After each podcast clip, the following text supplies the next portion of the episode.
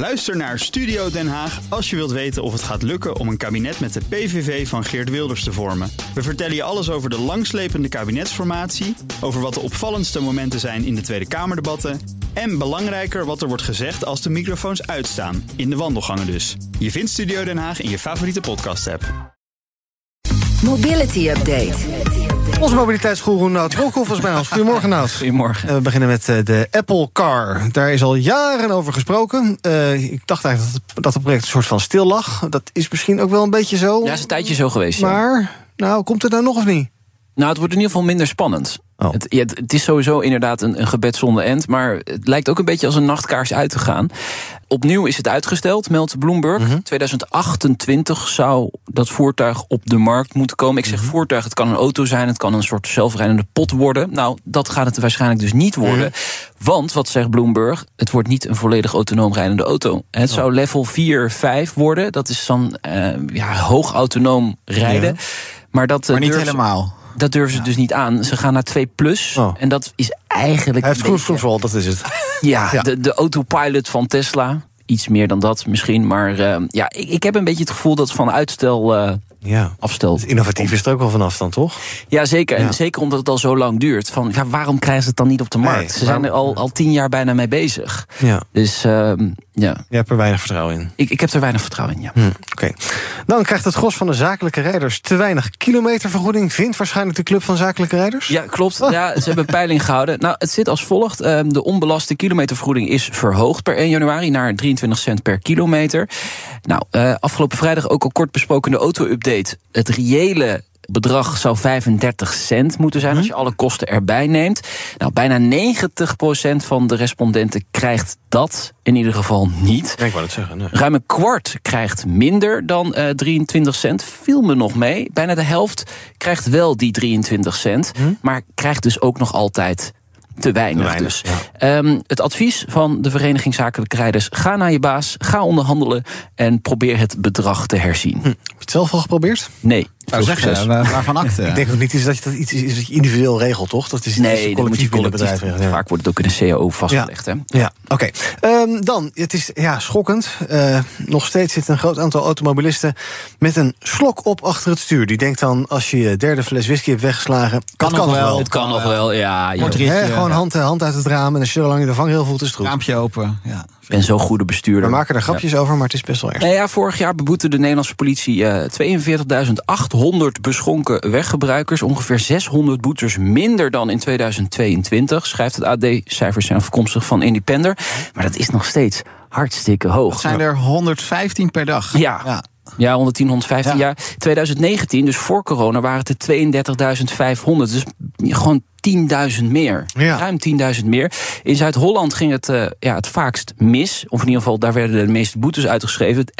11.000, goed voor ruim een kwart van alle bekeuringen in heel Nederland. Oh. Gevolgd door Noord-Holland en Noord-Brabant. En Noord-Brabant is dan ook weer de sterkste stijger met uh, 66,5 procent. Ja, de vraag is wat te doen. Hè? Ja, één, je gezond verstand gebruiken. Maar misschien twee, toch wat strenger gaan straffen. Hè? Misschien toch maar dat uh, rijbewijs... Uh, ja, de fuik weer terug. Die fuiken, ik hoor het niet zo vaak meer. Dat... Ja. ja, nee, want dat is ook opmerkelijk. Er wordt niet heel veel meer gecontroleerd. Mm -hmm. Uh, dus het is niet zo dat we zijn de controles gaan, nee. gaan opvoeren. Dus het we hebben meer mensen gepakt. Ook wel zo te zijn dat als je dan als politie zijnde een fuik opzet, dat natuurlijk heel snel in appgroepen rondgaat. Ja. Van hey, ja, hier en daar ja, is staat zo in Waze en daar eromheen. Ja. ja, zeker. En, en, en waar is de Bob-campagne gebleven? Vroeg me ook af. De sleutelhanger. Ja, de sleutelhanger die kregen we nog vroeg op school. Ja, ja dat, dat zijn wel dingen die blijven wel hangen. Ja. En dat is een beetje weggeëpt. Ja, je had dus Bob, dat was bewust onbeschonken bereider. En je had toch Bert, beschonken en rijdt toch. Dat weet jij toch weer. Dus er zijn ja. steeds meer Berts op de weg. Dan nog even naar uh, apps zoals Flitsmeister en ook Waze. Ik noemde het net al. Dat ja. zijn van die apps waarmee je nou ja, in de gaten kan houden waar de flitsers staan. Ook de mobiele flitsers, heel fijn is dat. Zeker. Alleen dat betekent niet dat je gevrijwaard bent van boetes. Ja, mooi, mooi Belgisch onderzoek. VIAS, het Verkeersveiligheidsinstituut in België.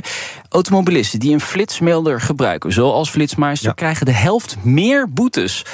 Ze meer? Hebben, ja, meer. Ja. Ze hebben een andere kijk op snelheid. Nou, uh, ze zijn minder bewust van de gevaren. Ze vinden ook dat de snelheidscontroles bedoeld zijn om de staatskas te vullen. Um, bestuurders die zo'n app uh, gebruiken, die rijden vaak wel meer kilometers. Dus mm -hmm. dat moet je corrigeren ten opzichte van de mensen die minder rijden. En dan kom je uit op 0,38 boetes per 10.000 kilometer. Voor mensen die dus gebruik maken van zo'n app. En 0,26 boetes voor mensen per 10.000 kilometer. Voor, bij mensen die niet gebruik maken van zo'n app. Dus dat is inderdaad ja, bijna de helft wow. meer. Ja. En dat geeft je natuurlijk ook een soort gevoel van ik weet waar ze staan. Dus in de rest van het land kan ik lekker flink doorplanken. Precies. Tot er wel eentje net geparkeerd is, zo'n busje. En dan ben je dik de Sjaak. En dan ben je de Sjaak. En eh, dat is natuurlijk. Eh, kijk, zo'n flitsmeister heeft vaak wel de, de flitsers vrij snel en accuraat. Ja. Maar iemand moet de eerste melder zijn. Juist. Daar, daar zit het hem natuurlijk. En ja, als ze vaak snel uh, wisselen van plek. Dat heb je wel eens. Mhm. ja, dan kun je de Sjaak zijn. Ja. Zouden die agenten ook allemaal zelf flitsmeister hebben... om te kijken of ze al gemeld zijn? Ben ik heel benieuwd. Die Niks menselijks is ook politiemensen uh, niet gewoon. Ja. maar dus als je wilt besparen... Uh, dan moet je nu de Flitsmeister-app verwijderen. Dan bespaar je zo geld eigenlijk. Uh, ja, tenzij, ja, dan moet je dus wel iets minder kilometers afleggen. Want oh dit soort, ja, deze mensen leggen dus echt wel veel meer kilometers af dan mensen die het niet, ja, niet Ook gecorrigeerd, dus ben je meer kwijt. Juist, ja, dat Wat je ook kunt doen, misschien een hele rare gedachte hoor. Niet te hard rijden. Nou, scheelt toch ook? Oh doe je dat zelf ook? Ik rijd niet te hard, nee. Nooit? Nee, tenzij ik een beetje laat richting ochtendspits. Ja, maar goed, zoals vanochtend toen je tien over vijf binnenkwam. ja. ja. Dan staan ze meestal nog niet te flitsen. Trajectcontrole, dus ik kon niet te hard rijden. Oh, Daarom was ik tien minuten later. Maar rij je dan, ik ga altijd op mijn GPS rijden, snelheid... en dan weet je hoeveel correctie erin zit... en dan kan je precies op 105 kan je rijden. 134 zet ik de cruise control. Ik denk oh, meestal 106. Maar, dus dan, ja. Hoe is gevaar? Maar als je 107 rijdt, krijg je een boete. Dan ben je echt de zaak. dus je moet oppassen ermee. Nou, um, al dit soort uh, zaken over gesjoemel met uh, snelheden... in uh, BNR Mobility maandag om half twee. Een nieuwe aflevering met Nout Broekhoff en Meijner Schut. En natuurlijk ook eh, terug te luisteren als podcast in de BNR-app. Ja. BNR Mobility Update wordt mede mogelijk gemaakt door ALD Automotive en BP Fleet Solutions. Today, tomorrow, together. Ook Harm Edens vind je in de BNR-app. Je kunt BNR Duurzaam niet alleen live luisteren in de app, maar ook terugluisteren als podcast, zoals al onze podcasts. En naast dat de BNR-app Breaking News meldt, houden we je ook op de hoogte van het laatste zakelijke nieuws. Download nu de gratis BNR-app en blijf scherp.